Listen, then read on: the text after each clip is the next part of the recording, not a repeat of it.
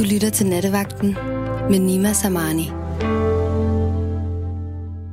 Jeg tænkte, at øh, nu er jeg jo... Og nu kommer I gavet lyttere, øh, ældre lyttere, jeg der er sådan lidt mere op i årene og har noget livserfaring. I kommer nok til at sidde og tænke og grine og tænke, den unge grønne øh, dreng, øh, som er så uprøvet og uerfaren i her, her i livet, tænker, at han oplever den slags for første gang. Men jeg blev for nylig sådan uofficiel onkel til en lille pige. Min bedste ven, han blev far, og vi har fulgt i tygt og tyndt, siden vi var sådan noget 11 år. Vi drak de første bajer sammen, og øh, vi blev alt for skæve til den første øh, hash joint sammen, hvor vi lå og kiggede op på stjerner.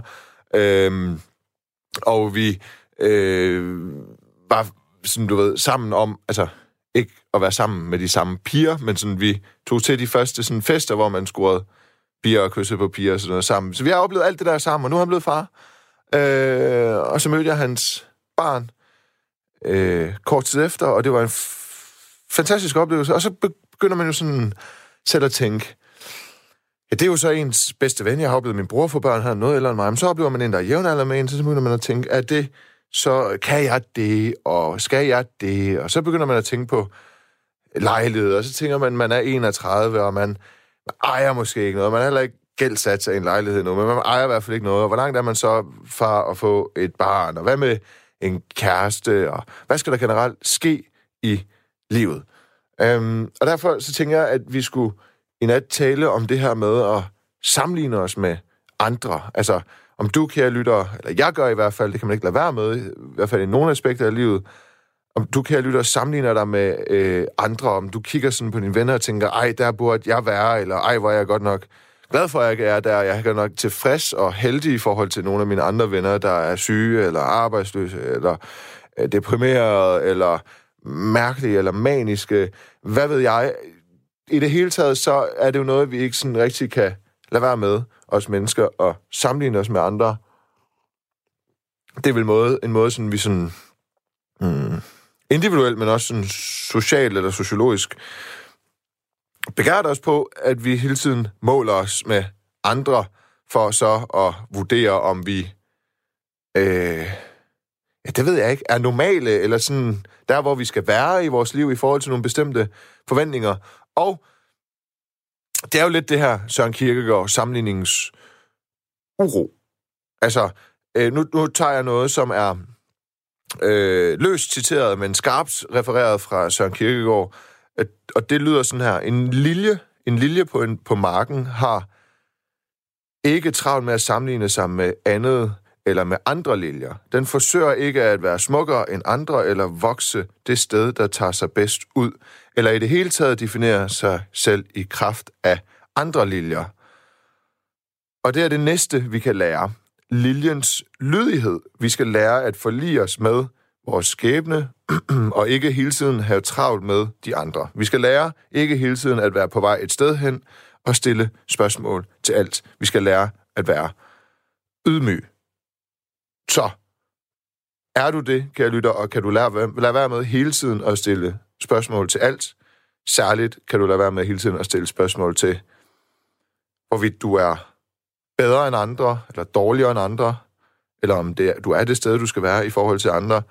Jeg var personligt rigtig dårlig til det, der jeg læste jura. Meget konkurrencemindet studie, hvor man nærmest, sådan, hvis man kan sige det, på, til semesterstart får med uddannelsesmåder meldt den ind, at man hele tiden skal sammenligne sig med andre. Man skal hele tiden, både sådan helt konkret på, på tal, men også sådan på studiejob og modenhed og så videre, altså tal, der mener jeg karakter, det er forfærdeligt på jorden. Det er simpelthen til at blive ret øh, sindssyg af. Det kan også være, at jeg hører meget tit sådan noget med kvinder, som bliver sådan bidre på deres veninder, fordi deres veninder lige pludselig skal have børn, eller kvinder, der er bidre på deres veninder, fordi deres veninder har fået en anden dejlig kæreste, så de ikke sådan selv kan finde ud af det. Så det her med konstant at sammenligne os med andre, og behovet for at sammenligne os med andre, eller hvis man har fundet en vej ud af behovet for at sammenligne os med andre, det må også være dejligt og frit. Og det er vel det, som Søren Kierkegaard så mener med, ikke hele tiden at være på vej et sted hen, og stille spørgsmålstegn ved alt, og at man skal være ydmyg. Vi har en lytter igennem. Ja, det er rigtigt. Jeg er så privilegeret. Hej, jeg hedder Kirsten. Hej, Kirsten. Jeg er privilegeret at have haft et langt liv og har haft mulighed for at gøre, følge mit hjerte, mit store hjertes ønske altid at være en, en, en, en kunstner. En kunstner? Ja, ja altså at være en, der, når jeg, jeg, jeg opdagede, opdagede, da jeg gik i skole, det, at jeg var god til at tegne og, og male, og så efterhånden så øh, begyndte jeg også at fundere i, hvad jeg kunne tjene penge på, og så gik jeg ind og blev kongeporcelænsmaler øh, i en årrække, men det kedede mig for meget, fordi det var så noget det samme, og det samme blomster om igen. Så jeg skred derfra og skred fra en høj løn og fra en god stilling som unikamaler, og så gik jeg ud og blev fri kunstner, og så skulle jeg ud og tjene min egen penge øh, til dagen og vejen, og så male og tegne som i min fritid. Du smuttede og det har jeg fra aldrig fortrudt. Du smuttede fra Aldrig. En høj løn som hvilken Ja. slags maler? Jeg var, jeg var det, der hedder kurant kunst. Det vil sige, at jeg malede blomster på vaser. Alle mulige slags Ah. forskellige vaser. Blomster og sommerfugle og alt muligt den slags. Det var det, jeg malede på noget, på noget af det, der var allerede øhm, Men det var meget svært at blive... Var det sådan noget Floridanica? Så? Nej, det var Nå, det ikke. okay. Nej, Nej. Altså det er det, øh, det Floridanica, der maler man på se- selve det øh, færdigbrændte øhm, øh, Por- porcelæn, ja. som, øh, hvor, hvor man maler med nogle oliefarveagtigt. Men øh, der, hvor jeg kom, der var øh, øh, vaserne, de var brændt en enkelt gang, så de var sådan lidt halvrå. Og så malede vi med, med, med, med en slags vandbaseret farve, hvor vi skulle øh, alle mulige blomster og alle mulige øh, motiver inden for blomster og, og, og sommerfugle og hvad det nu var. Der malede vi alle mulige slags på forskellige øh, størrelse vaser, og så skulle vi, og så skulle det brændes, øh, efter vi også havde sprøjtet fong på, det vil sige det der blå, det der smukke blå, der er ind over sådan, de der kongelige vaser, ikke? Jo. Og så skulle vi, og så skulle den brændes, og så brændte den brændte i, øh, i meget, under meget høje grader, så den svandt en tredjedel i brændingen. Og så fik vi den ud som en, en hel vase til sidst. Og så havde vi så en øh, overmaler, som gav os ris eller ros for, hvad vi havde lavet. og øh, vi blev så udlært. Altså, det var noget med, at jeg var i lærer. Altså, det tog tre år at blive fuldt udlært der. Ja. ja. Okay. Det, det tog jeg fra, jeg var 15 til jeg var 18. Ja. Fordi jeg, jeg tænkte, jeg ville bruge min, mit talent til noget. Men så fandt jeg ud af, at, at, at min øh, længsel efter at være... Jeg har altid været meget sådan, en, der elskede at komme ud i naturen og mærke luft og lys og varme og alt muligt. Så og det kunne jeg ikke holde ud. Jeg sad inde i små, bag ved små, og lå, lå, små ruder inde på den gamle kongeporcelæn, der lå i Smallegade i København. Ikke? Jo. og kiggede ud og længselsfuldt, og solen steg op på himlen, og den gik ned igen. Og så skulle jeg bare hjem. Og jeg synes, jeg følte mig bare så snydt i forhold til, at jeg skulle sidde der og male noget, andre havde bestemt, Nå. hvad det skulle være. Og så fik jeg pludselig en, en tanke, at jamen, jeg har jo slet ikke spor lyst til at male mit eget, når jeg kommer hjem. Og det synes jeg var for høj en pris. Altså, det, Du, det når du lavede det arbejde, hvor du malede, hvad andre sagde, du Ja. skulle male, Ja. eller hvad Ja. andre havde malet os, og sagde, hvad, øh, ja, både andre sagde, du skulle male det, og andre havde malet det. Øhm, så havde du ikke lyst til at male dit eget, når du kom hjem? Nej, jeg havde ikke, jeg havde ikke, jeg havde ikke overskud til det.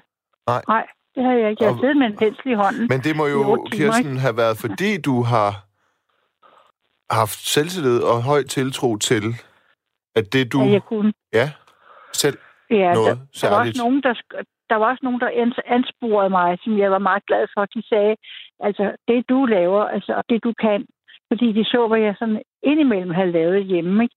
Det er alt det, du kan. Det, der skal du altså ikke sidde og spille dit liv her, jeg. Du skal videre. Og så, øh, så, så sad jeg og tænkte, nej, jeg tør ikke at blive fri kunstner, fordi så øh, kom jeg i tanke om, at det var, hvad skete der nu med Van, Van Gogh? Han blev, han blev skør, og han skar sit øre af, og hvad med de andre kunstnere? Jeg sad sådan og var bange, fordi jeg var ikke ret gammel jo, nej, nej. og tænkte, det tør jeg ikke, det tør jeg ikke, det tør jeg ikke. Til sidst så sprang jeg altså afsted og ud og væk, og så var jeg glad. Hold da helt op. Men må jeg lige høre, øh, hvor gammel... Øh, altså, hvor, når du siger det der med... Det er ikke, fordi jeg som sådan er interesseret i din aller personligt, men når du siger det der med... Det gør ikke noget. Okay, men når du siger det der med... Ja, for, okay, hvor gammel er du? Jeg er 75. 75. Når du siger det der med, at så var man sådan... Det krævede meget lige pludselig, når man havde sådan et godt betalt job inden for at male, at man så Ja, det valgte, jeg. Ja, gjorde valgte jeg. at sige Jeg nej og, og Ja. prøve sin egen Ja. lykke. Og så siger du det der med, at man vidste ikke bedre, og altså Van Gogh, han skar jo sit øre af og sådan noget. Var det sådan noget, man sådan dengang... Øh, fordi det måske var lidt reaktionært, at man sådan dengang sagde, se hvordan folk, der prøver at blive kreative og gå udenom, gå egen vej, gå udenom samfundsnormer, de bliver skøre ligesom Van Gogh. Var det sådan, man sagde? Ja, ja, Okay. ja. Nå. Nej, var det rigtig fint, du kommer ind på det. Wow. Det var lige præcis den følelse, jeg havde, at jeg ville blive betragtet som skør. Fordi, hvordan kan hun finde på at gå fra sådan et velbetalt job, og så endda var blevet udnævnt til unikamaler på selve stedet. Det var for meget fint at blive det. Mm. Men det var fordi, at min trang til at være udendørs, og jeg var meget, jeg var meget vant til at have boet mange år i, i Birkerød, hvor der var rigtig meget natur uden omkring, hvor vi boede øh, ved en sø og eng og skov og alt muligt. Jeg rendte rundt i skoven og var helt, helt opslugt. Og, altså, det, det var mig en pine at skulle sidde på et, et, et, en stol hele dagen lang, og så se, at vejret var, så var det det vejr, så var det det vejr. Jeg har altid været sådan lidt naturmenneske, eller hvad skal Mm. man sige.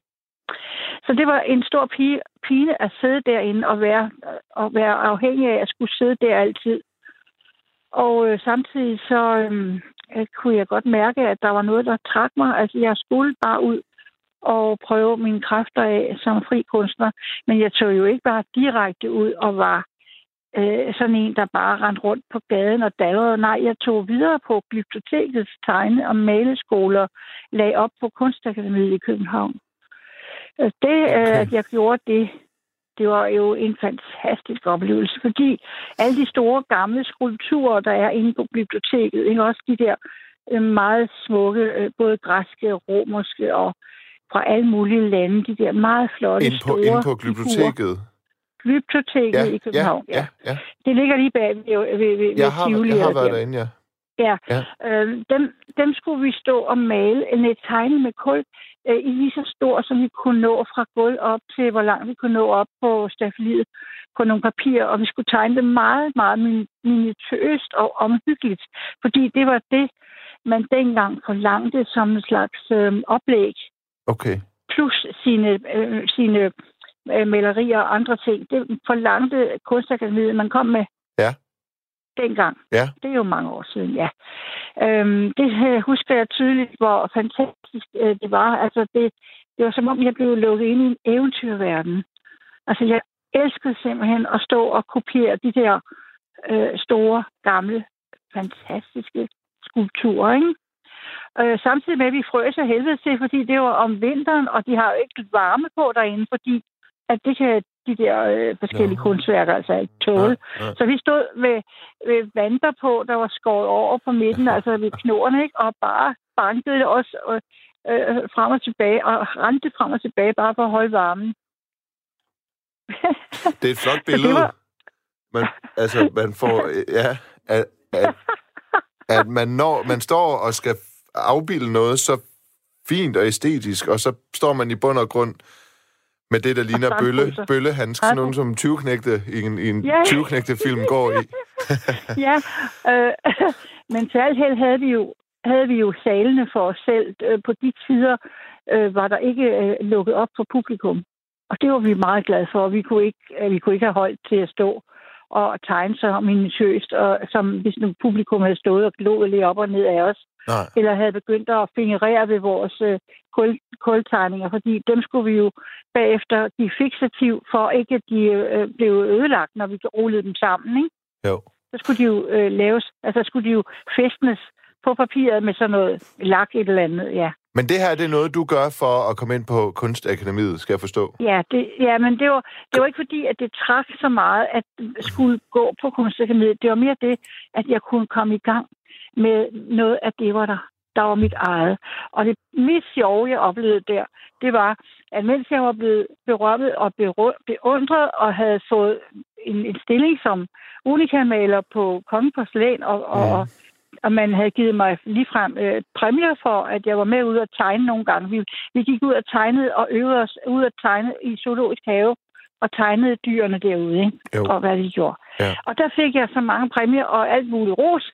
Og så når jeg kommer ind til biblioteket, og ham, den lærer, der var derinde, så siger han til mig, mens han ser mine tegninger, Kirsten, du skal betragte dig som en nybegynder. Hvad for noget? Hvad for noget? Her kommer jeg ved alt det her. og jeg tænkte, det er da løgn. Men så kom jeg til at se på, hvad det var, jeg havde tegnet. Det var jo kun konturerne af for eksempel en, en bjørn eller en, hvad ved jeg, de der ting, dyr, der rendte rundt i en zoologisk have. Det er jo ikke noget med, hvor jeg har lagt skygger på. Det var ikke noget med skygger. Mm, Men det kunne du godt, altså, men det vidste så- du ikke, du skulle, eller hvad? Nej, på, på, i Kongporcelæn, der havde de ikke for langt Nå. til de tegnekurser, at vi lavede Nå. noget med skyggevirkning. Nej, Men hvad, så var gik det jo op de- for dig, at du... Hvad var det for et grin? sjovt. Det, jeg synes, det var grinagtigt, Men- men... i begyndelsen blev jeg lidt sur Ja. og sagde til mig selv, hvad siger du? Men var du kommet Nybegynder. ind der? Nej, jeg synes, du skal høre, Ja, så var det, jeg, at, Ja. at, at, gav mig til, så gav jeg mig til at vælge en- den første, den første skulptur, jeg valgte. Den krævede nemlig rigtig meget af, af mig i forhold til at begynde at lægge skyggelægning. Og det var Jeanne d'Arc på bålet. Hendes ansigt. Ja. Ej, det var spændende. Ja, og så videre og videre. Så lagde jeg op på kunstakademiet, men, men, men så var det, vi, vi var så mange om det, at øh, de havde kun plads til 15, og vi var omkring 200, der søgte ind. Det vil sige, det var plat og krone, så jeg kom ikke ind. Jeg var ikke heldig. Men jeg fik et, et godkendelsesbevis på, at det, jeg havde lavet, var ok fra øh, de der... Øh, ja, hvad var det nu, det hedder? Ku- Øh, Kunstakademiet, ja. Ja. Jeg fik et bevis på, at det var i orden, det jeg havde lavet. Det var jeg meget glad for, og det har jeg gemt. Men så tænkte jeg, blæse værd med det. Altså, jeg er øh, blevet bit af at male billeder og lave, af hvad jeg nu selv vil gerne lave. Så jeg fortsætter bare uden videre. Altså, selvfølgelig gjorde jeg det. Jeg havde, jeg havde jo ikke en, det behøvede jo ikke at være noget også, med nogen. jeg kan godt forstå, jeg afbryder lige, øh, fordi det er spændende. Øh, jeg har en hel masse spørgsmål, eller jeg har i hvert fald et. Øh, Ja, ja. og, ja, og, men det er jo fordi det her med, at man, du siger, så maler du porcelæn, ikke? Det gjorde jeg dengang, ja. Og så, og så kigger du ud af vinduet. Du vil, du vil gerne sættes fri. Du vil gerne øh, sættes fri i forhold til din Ja, kunstneriske ja, kreativitet og sådan noget. Og, Ja, og lære, ja. ja. lære at male øh, det, du så, og bruge det, du kunne, i stedet for at male noget, som andre havde malet. Øhm, Ja, eller andre havde først havde lavet. Ja. Vi sad med nogle ponchoer, hvor vi førte, påførte de der mm, bestemte motiver. Vi måtte ikke selv lave Nej. vores egne blomster. Og så, nej, nej. og så forstår jeg sagtens, at at, at gå fra det til at gå på kunstakademiet, der, der går man i høj grad øh, til et sted, hvor man ligesom lærer at øh, udfolde sin kreativitet og, og, og sin, kunst, sin kunstneriske evner osv.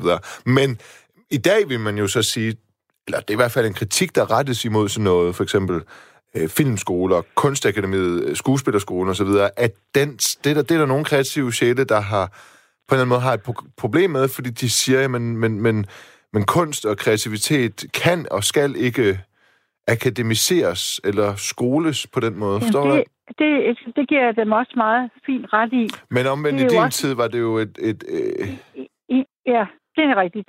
Det der, du siger, er øh, fantastisk vigtigt, fordi at når jeg for eksempel, vi, øh, når jeg gik på biblioteket, der gik jeg to vintre, ikke? Jo. Øh, og betalte for at gå der selvfølgelig, ja, og jeg betalte for det, ja. og jeg måtte jo ud og tjene penge på alle mulige lederkanter, når vi havde fri hele sommeren, havde vi jo fri, og så rendte jeg rundt og tog alle mulige forfaldende arbejde for overhovedet at tjene, tjene til min studie og til at at finde mig et værelse og var bo der sådan en og situation på et tidspunkt, hvor du, hvor du virkelig bare manglede de sidste kroner for at kunne fortsætte egentlig? Jamen, det var, det var, det var, da, det var da virkelig øh, slid og slæb, når jeg, jeg måtte også nogle gange tage arbejde, mens jeg gik om, og tegnede på biblioteket. Så måtte jeg finde noget rengøringsjob, eller avisudbringning, eller stå på en eller anden mærkelig fabrik, eller gå ind på en bæverding, eller...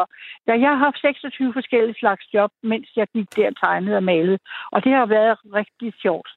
Fordi at jeg om sommeren, der tog jeg for eksempel over og arbejdede på en stor bondegård over ved Vestjylland, fordi jeg ville gerne lære Vestjylland at kende indenfra. Og jeg skal lige love dig for, at jeg fik... Jeg var jo fluen på væggen, og de troede jo bare, at jeg var en dum tøs fra København, ikke? Og de behandlede mig også derefter. Ja. Men, men ved du hvad? Jeg, den dumme tøs der, jeg gik rundt i akt to dem, og jeg har aldrig nogensinde haft noget mere, mere fantastisk i mit liv at se dem og deres gebærder og hele den måde at leve på og snakke på. De regnede jo ikke mig for noget. Så de skulle ikke øh, gøre sig til over for mig. Det var faktisk ret lækkert. Og hvad, og hvad tror du, det øh, afsted kom? Jo, det gjorde, at jeg i nogle år senere, mange år senere, tog jeg tilbage, fordi jeg kom til at blive så glad for området, og jeg havde talt med forskellige mennesker. Og så begyndte jeg at lave min egen videofilm om de mennesker, der havde kendt ham, maleren Jens Søndergaard, som jo havde et lille skur ude, helt ude på pynten, øh, hvor havde brølet lige nedenunder. Ikke? Og så har jeg lavet den film, og den ligger lige nu på YouTube, og alle kan tage og se den gratis, og den ligger der bare. Hvordan ser man den, hvis jeg lige vil se den på vej? Man skal bare ja. øh, slå op på det, der hedder Jens Søndergaard, og, øh, med to A'er. Jens Søndergaard. Mm. Og, så, og så har jeg kaldt min film Jens Søndergaard og hans samtid. Og øh, min film, den er også, når du begynder at, at tænde for den, så undrer du mig for den, jeg kalder den også Tårne Rose. Og det var fordi, at dengang, for de mange år siden, det var omkring 96 eller Øh, jeg sgu ikke huske det nok. Men dengang, der var ikke så meget turisme, og der blev ikke bygget store hoteller eller noget lige på det sted på, ja. på Vestkysten. Og det var jeg så glad for, fordi det var, det var så oprindeligt. Og jeg kom til at snakke med folk, der var bare havde kendt ham og fortalt om ham, og jeg ved ikke hvad. Og jeg siger da bare, at den film, den er der rigtig mange, der har set, og folk er helt, de er helt tosset med den. Og den ligger bare frit. Den har jeg lavet. Det, jeg spiller fra den nu.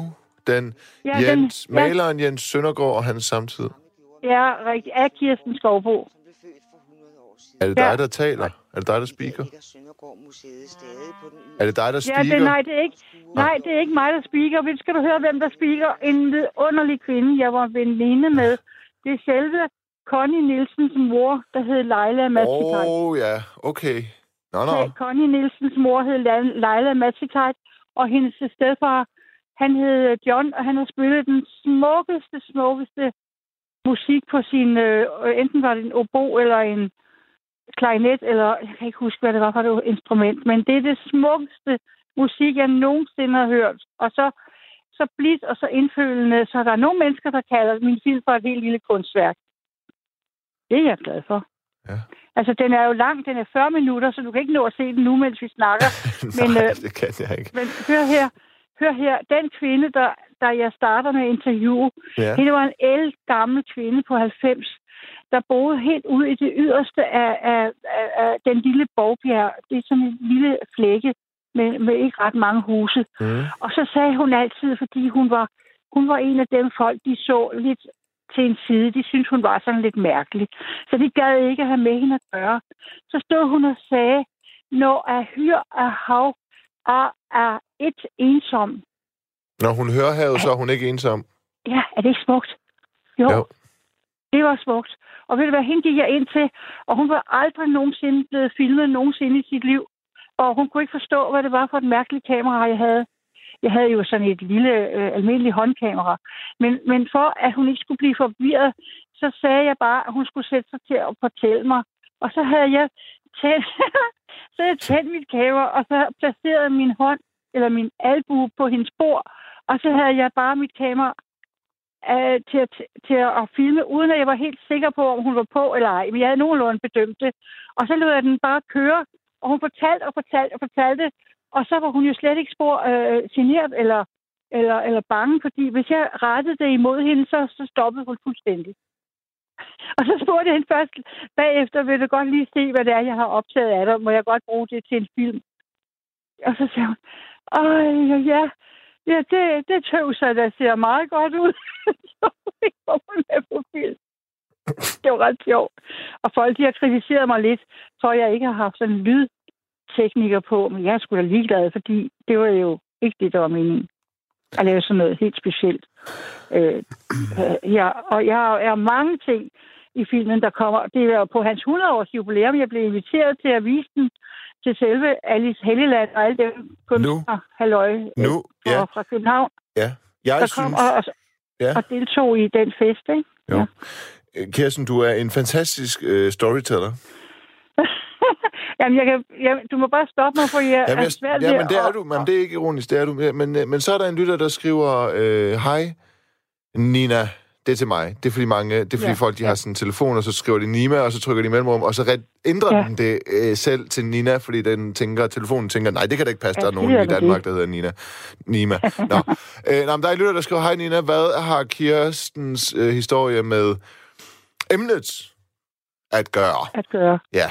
Øh, det mm, behøver du egentlig Jo, ikke svare på, fordi jeg jeg har det sådan lidt... jeg ja, fordi jeg ved nemlig, du ringede ind, fordi at det var i relation til emnet, du kom i tanke om det her med at gå fra at være velbetalt øh, porcelænsmaler til Ja, at, at, ja, at søge jeg, din jeg, har egen... ikke fået, jeg har ikke fået afsluttet det, som jeg gerne vil. Så gør det, Må jeg fordi høre? jeg har ikke noget imod... Det gør jeg. Jeg Heller ikke, hvis det ikke nu. har noget med emnet at gøre, fordi jeg sætter jo bare et emne, og så håber jeg, at der er nogen, der ringer ind Ja, med nogle ja. spændende Jamen, historier, hør og det gør du. Så ikke Jamen- stress, men Det, men skal du høre, jeg stresser Ja. ja. ikke. Nu skal du høre.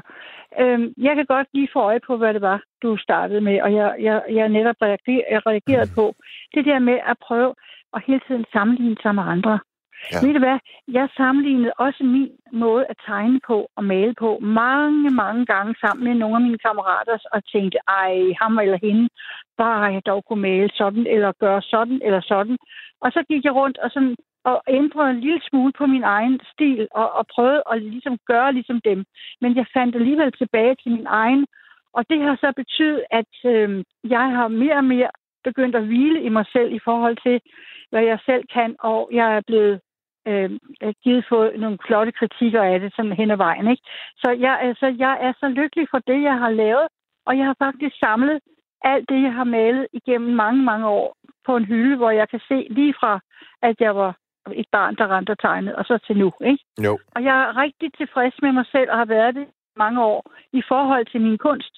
Og jeg har også overført dem til det, som du nu siger, man kan blive lidt ærgerlig over, at man ikke lige har det, som de andre har, eller sådan og sådan og sådan. Mm. Og det har jeg også nogle ting, jeg egentlig godt kunne tænke mig, at jeg havde i mit liv. Men så tænker jeg, jamen jeg har jo prøvet at være tro over for det talent, jeg er blevet givet, og det kan jeg godt lide.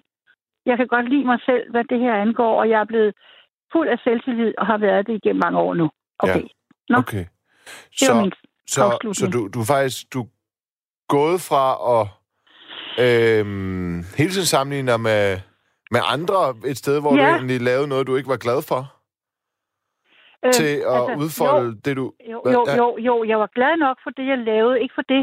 Men ved du hvad, det er jo egentlig også en meget sund udvikling som kunstner, at man ligesom går ind og Øhm, og jeg så jo mange forskellige slags kunstnere under Mhm. mit, hele mit lange forløb. Ikke? Og det er jo ikke nogen forkert ting, at man nogle gange prøver at male, ligesom nogle af de andre gør. Fordi man kan lide den måde, de gør det på. Det er jo en slags udvikling, man er, kommer igennem. Ikke? Man kommer igennem en udvikling. Jo, jeg kender da også folk, som... Øh, hvis de sådan personligt skulle skrive noget eller instruere noget, Ja. så øh, Ja. vil de gøre øh, det, de drømmer om. Så har de en historie, de drømmer om at fortælle. Men indtil de når dertil at få den mulighed, så tager de jo jobs, hvor de måske skriver på en idé, som en anden har fået, og så som ikke måske lige er dem, men som så, det gør man ligesom, fordi man, Og så, men nogle gange så Ja. tager man også bestillingsarbejde inden for det, Ja. man er god til, fordi man ligesom skal nå Ja. til. Ja, ja. Ja, og det er der ikke noget forkert i. Det er det, jeg synes, der er, det er min pointe i det her. Der er ikke noget at, at, at blive øh, ærgerlig over, eller forkert, eller øh, fordømmende over, eller noget. Fordi det er jo sådan, vi udvikler os jo ved at lære af hinanden og blive glad for noget af det, de andre laver, og så prøve at overføre det til vores eget. Og alligevel, så, så ryger man tilbage til sit eget hen ad vejen, men med en lille dimension ekstra. Hvis nu tænker på musikere, også det, ikke? Mm. Hvem har ikke gået og lært af hinanden og taget, taget nogle... Ja, nu har han lige lavet den sang, så bygger jeg lidt videre på det. Hvem har ikke Og gået bygger jeg- og turneret ved at synge kor for en eller anden, og så Ja, lige ja. pludselig selv tænkt, nu prøver jeg at komme frem med en sang? Ja, ja, ja. Altså, Ja. jeg mener, det, er, det handler om at udvikle sig og være, og være accepterende over for det, ikke? Accepterende, at, at man vil gerne gøre, gøre det bedre og bedre og endnu bedre og endnu mere og endnu mere, ikke? Det er jo, Jo. det, der er livet at gøre. Det er jo livet, at, øh, så bliver livet jo skønt. Og der er det jo bare nogle gange, øh, at man måske ikke bliver endnu bedre, eller man måske ikke får gjort det, man ville, ud over at synge kor for en anden, at man ikke Ja, blev den anden, ja. og så står man som korsanger, nu ved jeg ikke lige, hvorfor det blev det, men og sammenligner sig med hende, der står foran en og synger, og hende, løber man aldrig, og det kan stresse folk, og det kan folk gå helt nedover, og det skal de ikke. Og det skal de ikke, nej. nej. Hver fugl synger med sit næb, kommer lige til at tænke på. Det er da en sød lille, en sød lille, hvad skal vi kalde det? Hver fugl synger med sit næb. Mm. Hver menneske er blevet givet hver sit. Og ved du hvad, jeg kommer til at tænke på den der meget specielle lignelse, der er i Bibelen, hvor, hvor Gud han giver nogle talenter. Han giver en mange talenter, en mindre og en mindre igen, og en giver han kun et talent. Og så kommer han tilbage, altså han sammenligner sig med en eller anden øh, herremand, der har, eller der har givet, øh, givet nogle talenter ud til nogle folk, der skal ud og gøre noget med de her talenter. Og den med mange talenter, han havde øget dem og, og lavet dobbelt så mange. Og så kommer han helt ned tilbage til ham, der kun er blevet givet, givet et talent. Og så siger ham med det ene talent, jamen herre, du har kun givet mig et talent, og det synes jeg ikke var værd at gøre noget ved, så jeg har ikke gjort noget. Ja. Og der, se, se, den er rigtig, der er meget visdom i den der lille linje der, synes jeg. Fordi, hvad kan du ikke have gjort med et lille talent? Hvad kan du ikke gøre med én lille ting? Og det er utroligt, hvor meget vi kan gøre og, og inspirere hinanden, hvis vi tør og bare tro på, at jeg har blevet givet det og det her. Det behøver, talent behøver heller ikke kun at være noget, man udfører med enten musik eller tegning. Det kan også være, at folk har talent for at lytte til andre og give andre glæde i livet og løfte andre. Der er mange talenter i verden. Og dermed, Så. Kirsten, tusind tak, fordi du var med. Det var en Selv fornøjelse tak. at tale med dig. Selv tak. Okay. Ha, nej, ja. men det var det virkelig. Ha' en god, rigtig god nat. Det var, det var en dejlig tak. historie, og det var dejligt at høre om dit liv. Ja. Helt konkret. Ja, så kan, du, så kan du se filmen, når du senere har tid, ikke? Jeg har i hvert fald tænkt mig at fortælle øh, en, jeg kender, som på lang, ja. i lang tid har skrevet på noget, som vedkommende måske oh. ikke selv ville have skrevet, men som har gjort det for ligesom at tjene nogle penge, og en dag komme til at skrive noget, vedkommende selv vil. Det vil jeg fortælle om din vej fra oh, porcelænsmaler til... Ja, det kan du tro. Tak, fordi du var med. Glæde, glædeligt. Tusind tak. Ja, okay. hej, hej, hej, hej, hej, hej, hej. Og vi taler ind til klokken to om det med at sammenligne sig meget med andre og sine omgivelser. Prøver hele tiden det der med, at man, man føler, man skal være et eller andet sted, hvor andre er, fordi man jo... Ja, hvis man ikke er selvstændig nok eller individuel nok, så kan man jo ikke lade være med at forfalde til at vurdere sig selv ud fra og vurdere, hvordan man vurderer andre. Gitte, du er igennem. Det er rigtigt. Hej, ja. hej med dig. Hej. Hvad fik dig til at ringe ind? Øhm, jamen emnet. Uh, og så kom ja. jeg sådan til at tænke på uh, en veninde, jeg har. Ja. Um, hende kan jeg sgu godt være en lille misund, en smule misundelig på, og jeg tror, hun er det på mig. Altså, hun vil gerne være mig, og jeg vil gerne være hende, tror jeg. Hvad er det for en veninde? Altså, du øhm, behøver ikke sige, hvad hun hedder, har, men hvor lang tid har du kendt det, hende? Hvor kender du åh, hende fra? Jamen, vi har kendt hinanden i, ja, 25 år eller sådan noget, omkring 25 år. Okay. Øh, ja, vores børn har gået i skole sammen og sådan nogle ting. Er det sådan, du kender og så hende? har vi... Ja, ja, det var der, hvor jeg lærte hende at kende, og så har vi ja. så bare blevet veninder senere hen, og i dag, jamen, øh, der har vi jo børnebørn, og store børn og sådan nogle ting. Øhm, Begge to? Jeg skulle til at sige sammen. ikke sammen. Nej. Men øhm, øh, og, og vi er jo stadigvæk veninder og kommer hos hinanden. Men, men jeg tror, at eller, vi, er så, vi er så vidt forskellige. Og jeg kan sgu godt misunde lidt hendes liv i forhold til mit eget. Og jeg tror også, at hun har måske lidt mere før i tiden, at har kunnet misunde mit liv og vil gerne være mig. Ja. Fordi jeg er totalt skør i kasketten indimellem, og, og det tror jeg, hun har, der har jeg sådan lukket hende med på det. Hvad hun, ikke, altså, hvad hun ikke selv har tåret, men hun synes jo, det var egentlig meget fedt, de ting, jeg så gjorde, og de ting, jeg fik. Er du der? Ja. Nå, hov. Ja, det lød ligesom om forbindelsen den blev afbrudt. Jeg skal lige have Nå. det sidste med, du sagde. Øh, de sidste to sætninger. Du sagde noget med... Ja, jeg siger, at, at jeg er jo skør. Altså, jeg er totalt skør i hovedet ja. indimellem. Øhm, og, og det er hun bestemt ikke. Langt fra.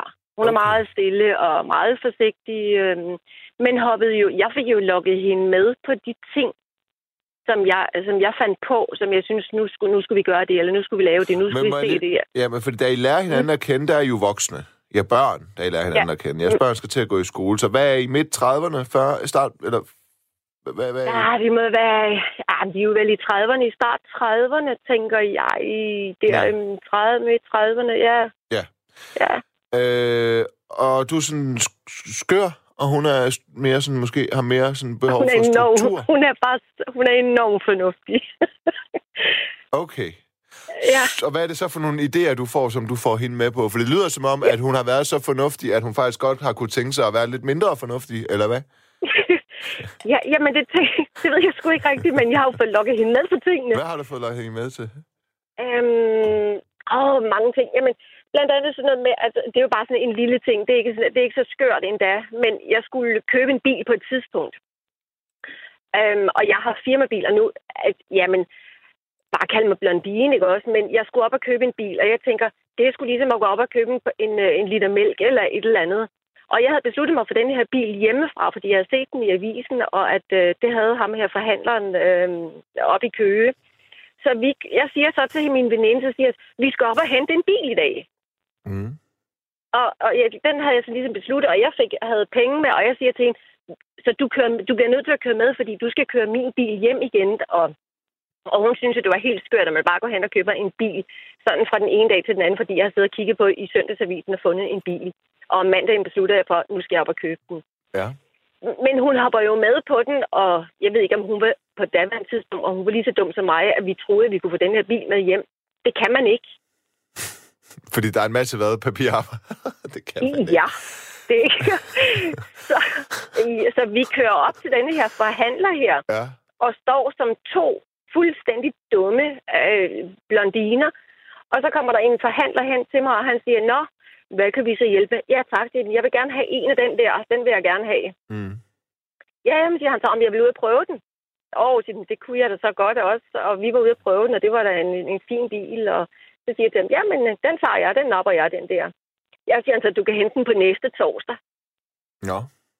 Så det var da sådan lidt overrasket. Jeg, jeg troede, at jeg kunne jo få den med. Men det er bare sådan en af de ting, hvor at hun hopper med på den og synes, at jeg er lidt skør, men alligevel er det også lidt spændende og lidt sjovt. Ja. Men, Og sådan har der været mange ting. Lige før vi måske tager et andet eksempel, hvis du kan huske flere eksempler, så øhm, tænker jeg, er det ikke mærkeligt, at man kommer med de penge, en bil koster, og så ikke kan tage den med hjem, egentlig? Altså, det er Jo, da en dårlig det troede jeg jo. Det troede jeg jo. Mm. Men var det så fordi, det var en brugt bil, og han lige skulle... Nej, nej, nej, det var ny.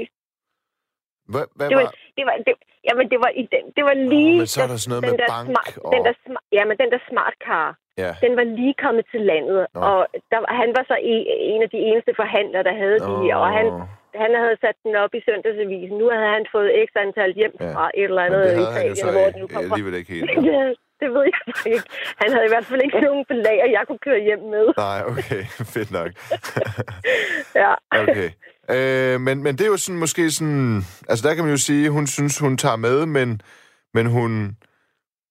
Øhm, den, Jeg må den, stå den, sådan lidt på skid- jeg må stå sådan lidt på sidelinjen, og hun siger, altså hun er jo ikke sådan, hun er ikke den, der farer ud øh, og, og siger en hel masse ting. Det er ligesom mig, der fører an, ikke også? Jo. Og jeg trækker bare hende med, og hun følger bare med og synes, ja, okay, det er lidt, det er sgu, det er sådan okay til en vis grænse, men det er ikke noget, hun overhovedet selv kunne finde på at gøre. Men den er alligevel lidt omkostningsfri for hende sådan at følge med på, og ligesom bare... Mhm. Fordi hun ikke, det er jo ikke hende, der skal købe.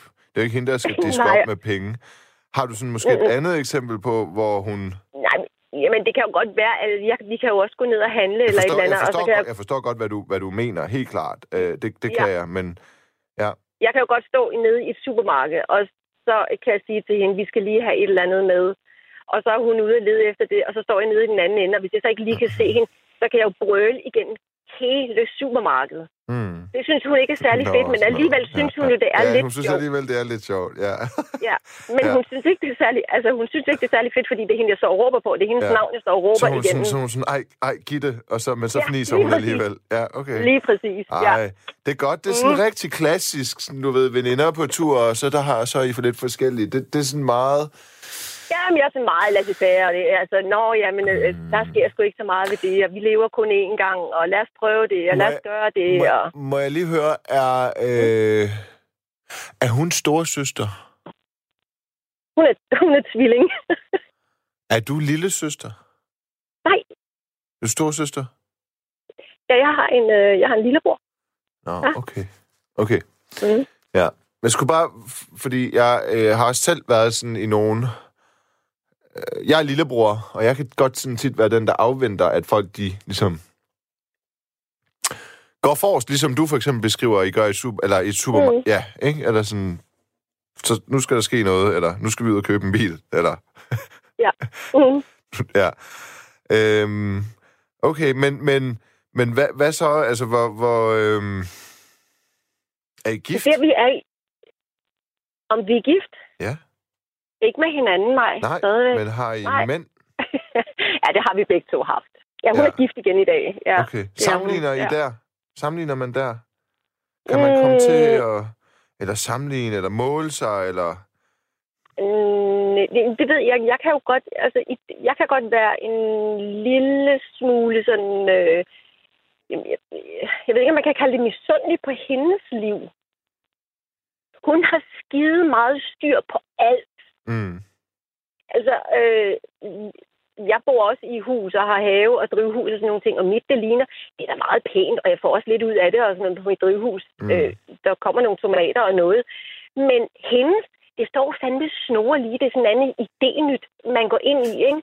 Mm. Og hendes græsplæne, den er jo totalt klippet. Min, den bliver klippet sådan to-tre gange om året, selvom jeg egentlig har tiden til det. Mm. Men jeg har det bare sådan, åh, det er sgu lige meget. Det kan da være lige meget, om den lige går en dag mere eller mindre. Men hendes, det står bare så snore lige. Og når man kommer hjem til hende, jamen så det skal hun lige op. Ja, jeg har lige bagt bøjler. Ja. Og jeg tænker, fuck, hvor får hun det fra, ikke? Jo. Det, det er sådan noget, hvor at jeg, jeg tænker, det magter jeg ikke. Altså, det, det gider jeg ikke. Men jeg kan jo stadigvæk godt blive lidt sådan, jeg ved, og kan man kalde det misundelig? eller Sådan, altså, at den der, at hun har så meget styr på sit liv, og styr på sin økonomi, og sin mand, Åh. og sine børn, og Åh, sine ja. børnebørn. Åh. Og hun er bare, jamen, og hun er god til gaver. Altså, hun har altid et eller andet Ja, med. Og hun åh. tænker, hun ved, hvornår alle har fødselsdag. Ja. Altså, sådan noget har hun også styr på. ja. Men, Og hun men, kommer ikke uden noget. altså, det er nej. sådan... men det er interessant, fordi jeg kender også den slags, og jeg er slet ikke sådan. Jeg er nok mere dig. Øj, Ja. ustruktureret, ikke? Altså sådan i en alder af 31 fører jeg stadigvæk ikke kalender. Det burde jeg så meget gøre, fordi jeg er freelancer har så mange forskellige jobs, og kommer altid til at overse et eller andet i løbet af en uge.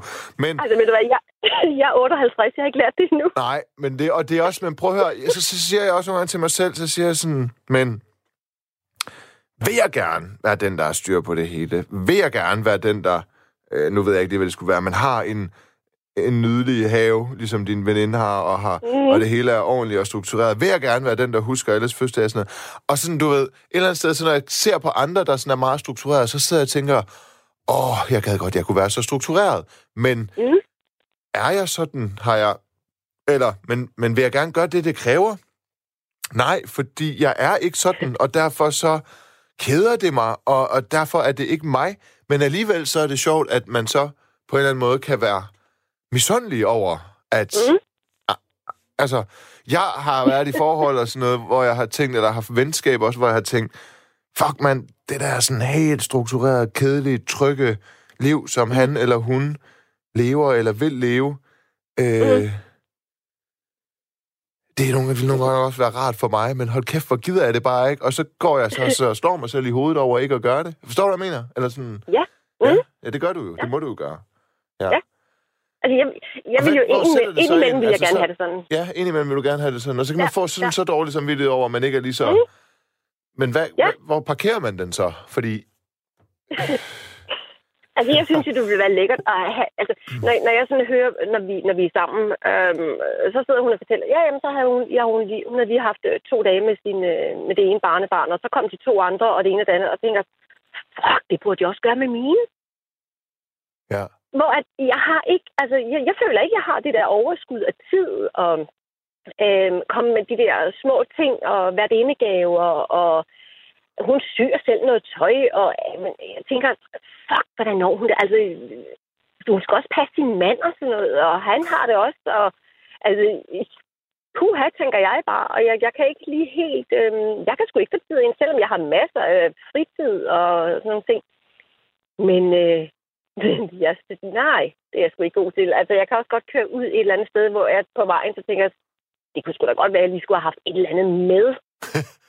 Sådan, bare som at øh, vise, at øh, jeg er glad for, at jeg blev inviteret eller noget. Ja, ej, sådan noget det er også... Oh. Mm. Ja. Ja. Heldigvis så havde jeg øh, sådan social intelligens nok til, eller føle nok pligtopfyldenhed til, da min bedste ven blev far, lige at spørge, når man, min veninde og moren til de barn, hvad, hvad, hvad er hendes yndlingsblomster, og så ligesom lige købe nogen, ikke? Men, åh, men det, kunne, det kunne så meget have været mig herinde, den der situation, hvor jeg kommer ind i lejligheden, og så er den fyldt med blomster fra alle mulige andre, der har været der.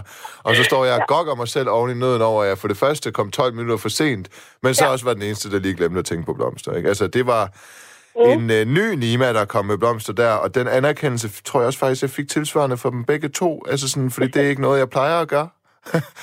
Nej. Nej. Øh, så det, at få den anerkendelse, det er også det samme som at give udtryk for, at øh, det, ja, der ved de bare, at det er ikke typen, der nogensinde kunne finde på at gøre ellers, ikke? Nej, nej. Nej. Nej, sådan er det også. Altså, og til, til, øh, sådan til jul, jamen, altså, der er jo hjemmebag, der er det hele, altså, der er jo, det skal jo op med, med syv forskellige slags småkager, hvad man nu skal Mhm. bage, når man bliver bedsteforældre. Ja. Og jeg tænker, øh, det, det burde jeg jo også gøre. Det burde jeg jo gøre. Jeg er jo også mormor, og jeg er også, øh, altså, så jeg burde også gøre de ting. Ja. Og, og det irriterer mig, det, der irriterer det mig jo, at jeg ikke er sådan, og jeg kan tage mig sammen til at sige, om nu må jeg lige lave en bagedag. Øh, men så kan jeg også godt gå og tænke på det, og tænke, ej, altså, vi burde også ned og købe det der mel og sådan nogle ting, og komme i gang. Ja, så blev det lige så meget Men- til noget.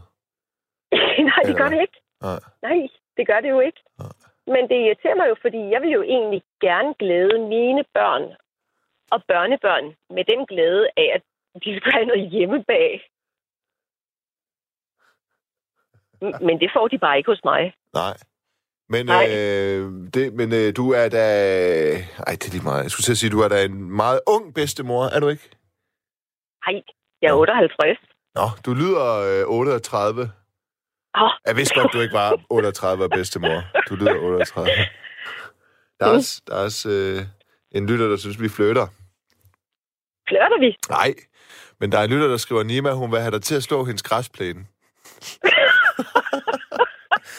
Og så tænkte jeg, jamen hende Gitte der, hun lyder sgu da også meget ung egentlig. Nej, hvad hedder det? Øh, jo, det tænkte jeg, men ikke i den øh, relation. Øh, der er en lytter, der skriver, apropos det der med bilen, ikke? Øh, at du ikke bare kunne gå hen og købe en bil. så skriver vedkommende, hvis bilen er helt ny, skal den eksempelvis have lavet service, undervogn behandles, rengøres, og eventuelt have ekstra udstyr monteret. At der har det bare sådan, hvis bilen den er helt ny, hvorfor fanden skal den så rengøres og have undervognsbehandling? Fisk. Eller Jeg kan i hvert fald ikke service? få dem med. Det forstår jeg slet ikke. Det, der. det Men det bliver Nej. heller aldrig mig. Jeg, biler interesserer mig ikke. Jeg kan engang imellem kigge på en Mercedes og tænke, den gad jeg godt at køre i, når jeg blev ældre, men, men sådan noget med motor, og, og jeg forstår det ikke. Altså, hvis jeg, hvis jeg punkterer en bil, så kan jeg ikke selv stå. Og det kan jeg måske med nød og næppe. Men man ringer alligevel til Falk, forældrenes Falk-forsikring, ikke? Det er, fordi jeg kører ikke min egen bil. Jeg låner nogle af mine forældres. Jeg har ikke bil i København. Jamen, jeg, ja. Der kigger man... jeg, Ja, hvad? nej, jeg er så ikke sikker på, at jeg kan ringe til mine forældres øh, salgsforsikring. Den går nok ikke. Nej. Nej. Men en bil, det kan, du, det kan man så i hvert fald ikke købe. Altså, den har jeg, den har jeg prøvet. Ja. Det fungerer ikke. Nej, det er meget sjovt, fordi inden jeg nåede at fortælle dig om det med bilen, Mm. Eller samtidig med, så vedkommende kan umuligt have noget at re- altså skrive det og reagere på det. Men så er der en, der skriver, kunne det tænkes, Nima, at dine curlingforældre har forkælet dig lige lovlig meget, og gjort dig sådan lidt doven, malig og gudagtig, at du forventer at være passiv, mens andre var der derop? Er du en lille forkælet møgung, Nima? Lidt, ja, men hvad var det, jeg sagde, der fik hende til, vedkommende til at skrive det? Hvad har vi lige talt om der? Men det var ikke din bil, og din, øh, eller hvad hedder, dine forældres bil og deres falk. Det tror jeg da ikke, det har da nærmest ikke noget at fortælle færdig. Det ved jeg sgu Der er ikke. nogen, der er hurtige. Men ja, altså min, min mor, hun har øh, behandlet mig sådan lidt persisk prinsagtig og gjort mig lidt doven, ja. måske. Men altså, jeg arbejder Okay, den, og den, prøver. den konto kan jeg ikke skrive mig på. Nej, det kan du ikke. Nej, Nå, nej, det kan jeg sgu ikke. Nå, okay. Nej. Nej. Det, det må man sige. Det, jeg har sgu, ja, jeg skulle være mig selv i... Ja. Der har sgu ikke været noget hjælp at hente der. Nej, men det kan, men det er meget, det der med, at jeg for, jo, jo, okay, det der med, at jeg forventer at være passiv, mens andre var der deroppe, altså i hvert fald, at jeg punkterer en bil, Kører ned i en kantsten, punkterer den, sætter mig på passagersædet, ringer til Falk, venter på, at de kommer. ringer til min chef, siger, jeg bliver lige forelsk- forsinket, fordi Falk har sagt, at de først skal være her om en time og fem minutter. Og hvem er det? Er det der min? Ja, det var mig. Det var hos mig. Nå, hvem var det? Jeg var arbejdet. Nå, du er på arbejde. Skal du videre så? Ja, ikke, om ikke så længe. Hvad laver du egentlig her om natten? Jeg er øh, nattevagt i øh, hjemmeplejen. Åh, du er også nattevagt. Ja. Så det er en nattevagt og en anden nattevagt. Kører du så rundt i sådan noget Sydsjællands område? Var det sådan? Det gør jeg, ja. Okay. Kommer du nogle gange... Ja. Ved, ved du, hvem du skal ud til? Kender du alle dem, du kommer ud til? Ja, Det gør, det gør du. jeg. Ja. Så i dag, der har du ikke en vagt, hvor du for eksempel skal ud til nogen, du ikke har været ude ved før? Nej. Men det er der jo nogle gange, for du starter jo på et forløb med nogen på et eller andet tidspunkt. Jo, jo, jo, jo. Altså, der kommer jo, selvfølgelig kommer der jo nye borgere til hele tiden. Ja. Der er både nogen, der falder fra, og nogen, der kommer til, ikke? Er det øh, besværet borgere, eller hvad er det? Er det? Hvad er det for noget? Det er meget blandet. Okay. Altså, nu er det jo nattevagt, og de fleste ligger jo og sover på den her tid. Ja, det er jo det. Så hvad, hvad, ja. så hvad er det, du egentlig skal? Er det sådan et... Øh... Jamen, det kan være, det kan være toiletbesøg, det kan være blikskifter, Nå. det kan være bare tilsyn, ikke? Ah, jo, okay. Mm. Ja. Og det skal man ja. læse til, Og så hvad, der jo, hvad, hvad tager og så man er der jo nogle nødkald. Ja, det er jo social, social- og sundhedshjælper. Okay. Og så kommer der nogle nødkald ind imellem, øhm, som Men- man også skal ud og tage. Men hvis der kommer en nødkald til en hjemmehjælper, Ja. hvad kan det så være til forskel for et nødkald til 112? Øh, altså, til, det, kan være et nødkald af en, der skal på toilettet, eller en, der er faldet, eller noget. Ah, okay. Okay. Så Mm. der, ja, det er klart. Jeg ved ikke så meget Ja. om det, men øh, nu ved jeg lidt mere. Men... men var det så et nødkald, øh, ja, du lige fik? Ja. Så skulle du da afsted. jeg har en makker. Nå, der lige jeg er tager ikke den. alene. Vi, vi kører i hver sin bil. Mm. Oh, og så ved du, at den og vi tog... har, hver, vi har hver vores ruter, ja. Så lige nu, Så- der så du kan du, igennem, du får et nødkald, du er igennem til nattevagten, så den tager din makker. Ja, fordi det var på hendes rute, kunne jeg se. Tror du, din meget strukturerede og fornuftige veninde kunne ikke genkende til den her rollefordeling, der lige skete der? Åh, oh, det ved jeg ikke. Nej. Øhm, Altså, Det ved jeg. Ej, det ved jeg ikke. Det kan være, at du tog den sidste. nej, men det, altså, vi har jo hver vores rute. Jeg kører i et område, og hun kører i et andet område. Øhm, og der tager vi jo vores borgere. Det er jo ikke sådan, at jeg kører jo ikke... Jeg, der er ingen grund til, at jeg kører øh, 20 eller 30 km for at køre i hendes område, når hun kører dernede. jo. Ej, Nej, det er sådan, det er. Ja. Så nej, jeg har ikke misset et op. Jeg har ikke misset et nødkald. Det er ikke sådan, at jeg sidder og... det har jeg gjort. okay. Så det har... Ja. Ja. Så mine borgere bliver passet, uanset hvad. Ja. Hvordan øh, harmonerer det med dit... Jeg kan mærke øh, for eksempel det her med at... Nå nej, vent. Sammenligner du dig meget med dine kolleger, der lige, der lige tog... Min kollega? Var det ikke dine kolleger, der lige tog det der nødopkald? Nå, jo. Sammenligner du dig meget med din... Nej, det gør du det. Sammenligner du dig meget med dine kolleger? Gør du det? Nej, det gør, jeg, det gør jeg ikke. Også fordi... Fordi øhm, du laver, er jo ikke vi så har, det- vi har et super godt, altså, vi har et super godt makkerskab, men, mm. men min, min makker, hun er, hun er 23, og jeg er 58, så, så vi kan ikke sammenligne så meget. Øhm, Hun er vi 23, sammenligner. Ja, og du er 58. ja. Men så kan man, kan man så ikke komme til at sammenligne sig netop? Altså sådan, øj, hvor Ja. det unge liv, hun lever. Gid, jeg bare var ung. Nå, nej, nej, nej, sådan har jeg det sgu egentlig ikke. Nej, det Nej, det jeg har jeg ikke. Altså, jeg lever, jeg lever lige så vildt liv, tror jeg, som hun gør. Gør du? Øhm, ja, det tror jeg. Jeg tror faktisk, at mit måske er mere vildt end hendes et eller andet sted. Nå. Nå. Ja. Okay. Hvad er, hvordan er dit, vildt, hvad er dit liv vildt? Det vil jeg gerne høre. Jamen, jamen, jeg laver sgu mange ting. Øhm, jamen, jeg er jo meget impulsiv og, og gør ting, jeg finder på, og kan sidde en aften og tænke, nej, nu kører jeg sgu et eller andet sted hen, fordi nu det, det har jeg lyst til, eller jamen, gøre noget. Flytte rundt, når klokken den er to om natten, eller ja, begynde at male. Whatever, altså, Ja, hvad der ja. ja. lige dumper ned i, øh, i hovedet på det tidspunkt, hvor jeg så sidder øhm, eventuelt og ser fjernsyn eller gør noget andet, ikke? Jo. så øhm, kan jeg komme på et eller andet, og så, jamen, så er det jo bare det, der skal ske, og så skal det være nu. Og, og det, jeg tror, det har fra dengang, at jeg var barn, at man havde så meget, havde nogle meget strikse regler omkring med, at efter når klokken den var de der fem eller seks om aftenen, og vi har spist aftensmad. Hvis jeg blev sulten, når klokken den var otte, så var der ikke noget mad. Fordi det havde jeg ligesom fået. Så at øh, regler, der, der var mange meget strenge regler for, hvornår jeg skulle være hjemme, og, og alle de her ting. Også da jeg begyndte at gå i byen og til fester og sådan noget, hvornår jeg skulle være hjemme. Øhm. Og så tror jeg, da jeg så flyttede hjemmefra, der var det sådan noget med, at jeg synes, hold da kæft mand, det er fedt. Nu kan jeg gå ud, klokken den er 11 eller 12 om aftenen, nu kan jeg gå ud og lave noget mad. Jeg kan gå ud og øh, stege en medisterpølse eller lave en frikadelle, hvis jeg har lyst til det, selvom klokken den er 12 om natten. Ja, jeg skal også hjem og, øh, og lave en, øh, en burger. Ja. Jeg har ja, ja, hakket oksekød, jeg har hakket nogle løg, der er klar til, når jeg kommer hjem, og sådan, så skulle jeg skulle hjem og stege noget bøf, Ja, og lige lige, lige nogle øh, man kan. krydderboller øh, lige i ovnen, og så lige have en burger der. Ja, fordi man kan. Mm. Fordi man kan, simpelthen også fordi jeg arbejder om natten jo. Ja, ja. Men altså, og det samme er det jo så her, at øhm, Ja. jamen, altså, når jeg har fri, jamen, så kan jeg også finde på at lave de ting. Øhm, Men du er altid Ja. nattevagt. jeg kører Stresser, fordi for mig stress, det stresser nogle af mig, det der med, at selvom jeg så arbejder om natten, så sover jeg til langt ud på dagen, hvor når jeg så vågner, så har andres dag været i gang ret lang tid.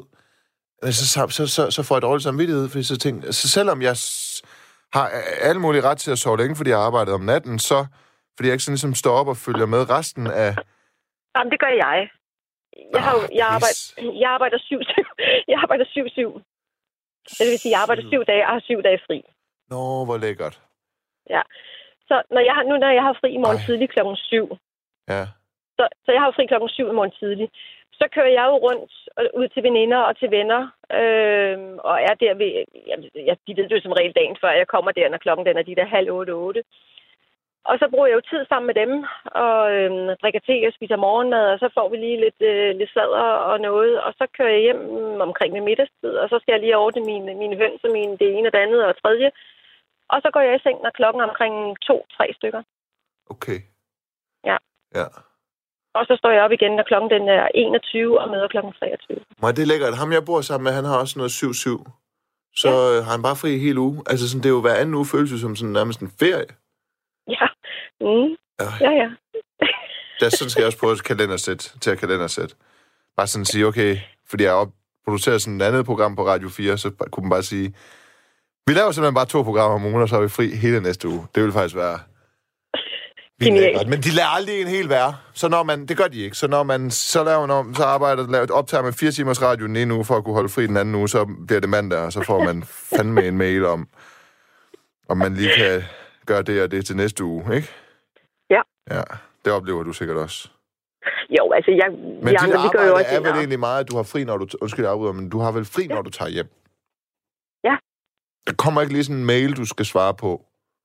Eller... Nej, det gør det, det gør der ikke. Øhm, altså, fordi der er jo nogle dagvagter, der møder ind. De møder ind, når klokken den er syv. Ja. Ja, ja. ja. Og så møder aftenvagterne, de møder ind klokken 15, og så møder øh, jeg ind klokken 23, ikke? Jo. Mhm. Okay. Men du kan selvfølgelig godt tage ekstra vagter. Der kan jo være noget sygdom og sådan nogle ting, hvor du så øh, eventuelt går ind og tager nogle ekstra vagter. Det er klart. Ja. Det er klart. Øhm... Jeg vil sige tak, fordi du Ja. var med. I lige måde. Det var hyggeligt at tale med dig. Jamen, det var det. Ja. Ja, og i lige måde. Og øh, god arbejdsløs. Hvornår har du så fri? To-tre-tiden? To? Ej, klokken syv. Nå, syv. Okay. Ja. Og så kommer du hjem, og så... Ja. Hvornår skal du så på arbejde igen, siger du? Klokken 23. Kl. 23. Okay. Ja. Hvornår, Mhm. men hvornår, hvornår står du så op, når du kommer hjem klokken 7? Så sover du indtil Jamen, hvornår? Jamen, jeg går ikke i seng, når jeg kommer hjem. Der går jeg jo så ud til nogle venner og bekendte og, og drikker te og spiser morgenmad og hygger og sådan nogle ting. Og Ja. så kører jeg hjem til mig selv der ved en 12-tiden og skal lige have ordnet nogle høns og sådan noget. Ja. Og så går jeg i seng ved en, øh, en 2-3-tiden om eftermiddagen. Der går jeg, før går jeg ikke i seng. Og så, så har du det ikke dårligt, og du vågner, og så er det bare mørkt. Jo, altså det er det ah, jo så. men det er også det, derfor, det giver mening, at du ikke går hjem og går direkte i seng. Det er fordi, du vil... Øh, Jamen, det gør jeg jo heller ikke. Hvis jeg havde haft en, en vagt, der hed øh, 7.15, så ville jeg jo heller ikke gå direkte hjem og sove. Så ville jeg jo også trække den de der 6-7 timer, før jeg egentlig går op og sover, når klokken den er 11-12 om aftenen. Nu gør jeg det jo bare omvendt. Jeg har bare rykket mit døgn ved, at jeg kommer hjem. Jeg har fri, når klokken den er 7 om morgenen. Jamen, så bliver jeg jo op til klokken den er de der 2-3 om eftermiddagen. Så går jeg i seng der og sover til klokken den er 21, står op og går på arbejdet. ja, okay. Ja. Mm. Det er klart. Jamen, øh, fornøjelse at tale med dig, og øh, god nat til dig. God arbejdsløst. Jo, tak og i lige måde. Jeg håber, vi tales igen. Godt. Hej. Det gør vi. Hej. Hej. Og øh, jeg vil gerne sige tak til David. Tak til jer lyttere, der ringede ind, skrev ind, lyttede med. God nat.